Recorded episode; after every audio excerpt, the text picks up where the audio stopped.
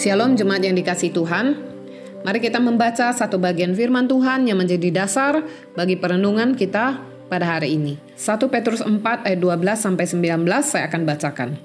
Saudara-saudara yang kekasih, janganlah kamu heran akan nyala api siksaan yang datang kepadamu sebagai ujian. Seolah-olah ada sesuatu yang luar biasa terjadi atas kamu. Sebaliknya, bersukacitalah sesuai dengan bagian yang kamu dapat dalam penderitaan Kristus supaya kamu juga boleh bergembira dan bersuka cita pada waktu ia menyatakan kemuliaannya. Berbahagialah kamu jika kamu dinista karena nama Kristus, sebab roh kemuliaan yaitu roh Allah ada padamu. Janganlah ada di antara kamu yang harus menderita sebagai pembunuh, atau pencuri, atau penjahat, atau pengacau. Tetapi jika ia menderita sebagai orang Kristen, maka janganlah ia malu, melainkan hendaklah ia memuliakan Allah dalam nama Kristus itu. Karena sekarang telah tiba saatnya penghakiman dimulai, dan pada rumah Allah sendiri yang harus pertama-tama dihakimi. Dan jika penghakiman itu dimulai pada kita, bagaimanakah kesudahannya dengan mereka yang tidak percaya pada Injil Allah? Dan jika orang benar hampir-hampir tidak diselamatkan, apakah yang akan terjadi dengan orang fasik dan orang berdosa? Karena itu baiklah juga mereka yang harus menderita karena kehendak Allah, menyerahkan jiwanya dengan selalu berbuat baik kepada pencipta yang setia. Mari kita berdoa. Ya Tuhan kami sudah membaca firman-Mu, Roh Kudus menolong setiap kami agar kami dapat mengerti firman ini dan kemudian kami dapat melakukannya dalam kehidupan kami. Terima kasih Tuhan, kami berdoa memohon di dalam nama Tuhan Yesus. Amin.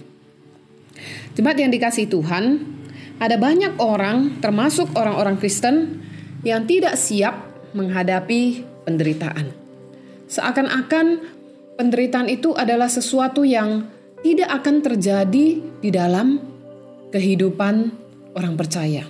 Seakan-akan penderitaan adalah sesuatu yang asing dan sesuatu yang jauh sekali dari kehidupan kita. Rasul Petrus menasihatkan orang-orang Kristen yang pada waktu itu mengalami penderitaan. Di ayat yang ke-12 dia mengatakan, Saudara-saudara yang kekasih, janganlah kamu heran akan nyala api siksaan yang datang kepadamu. Kata heran yang dipakai oleh Rasul Petrus di sini menunjuk kepada suatu reaksi psikologis yang berlebihan dan negatif sekali terhadap penderitaan. Yang di sini penderitaan itu digambarkan oleh Rasul Petrus sebagai nyala api siksaan yang datang kepadamu dan penderitaan itu dikatakan oleh Rasul Petrus adalah ujian. Nah, pada waktu itu orang-orang Kristen tidak siap menghadapi penderitaan.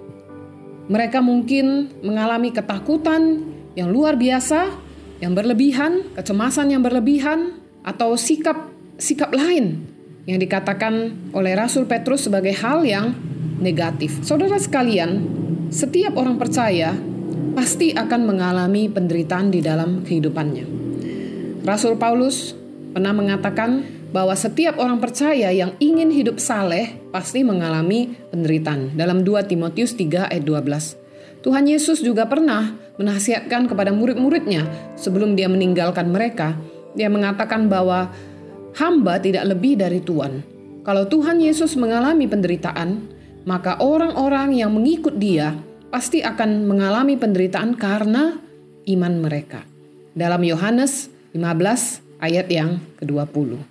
Nah, bagaimana seharusnya sikap orang percaya terhadap penderitaan? Petrus mengatakan di ayat yang ke-13, sebaliknya orang Kristen yang menghadapi penderitaan harus bersuka cita.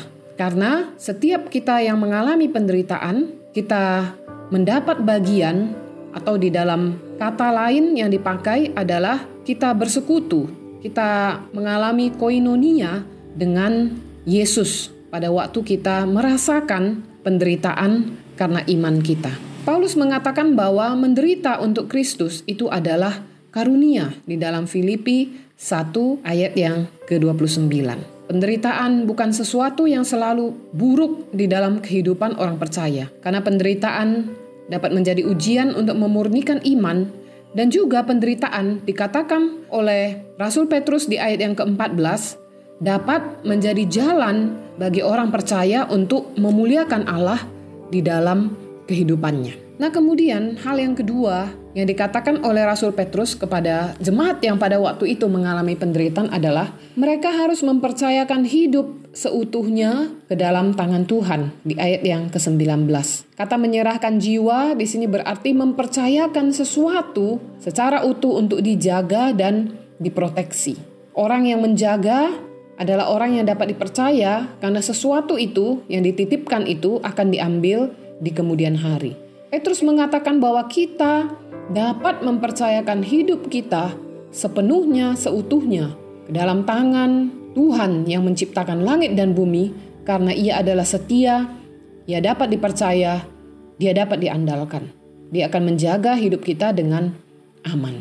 Pada waktu kita mempercayakan hidup kita seutuhnya dan kita percaya bahwa hidup kita ada di dalam tangan Tuhan, maka hal yang ketiga yang dapat kita lakukan di tengah-tengah penderitaan yang kita alami adalah kita tetap berbuat baik di ayat yang ke-19.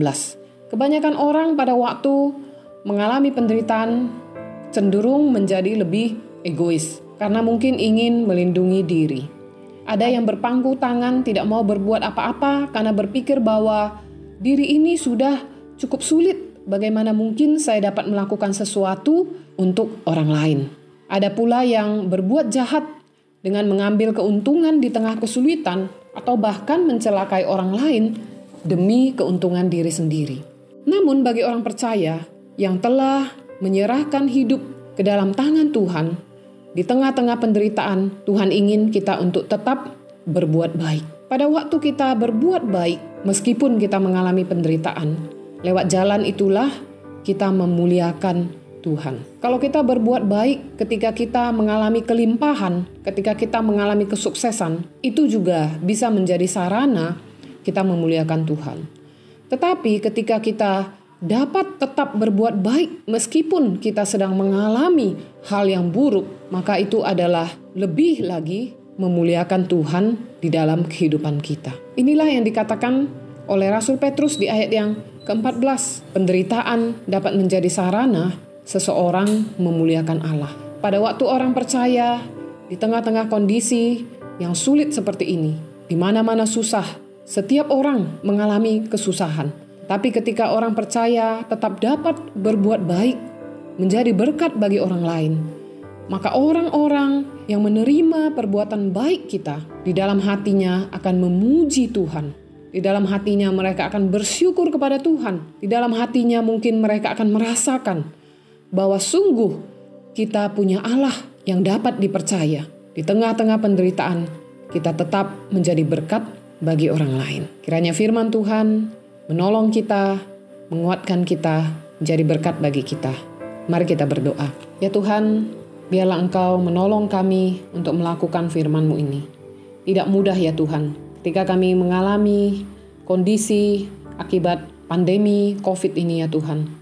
Sulit bagi kami ya Tuhan untuk dapat berbuat baik kepada orang lain, untuk dapat menolong orang lain, untuk dapat memperhatikan orang lain.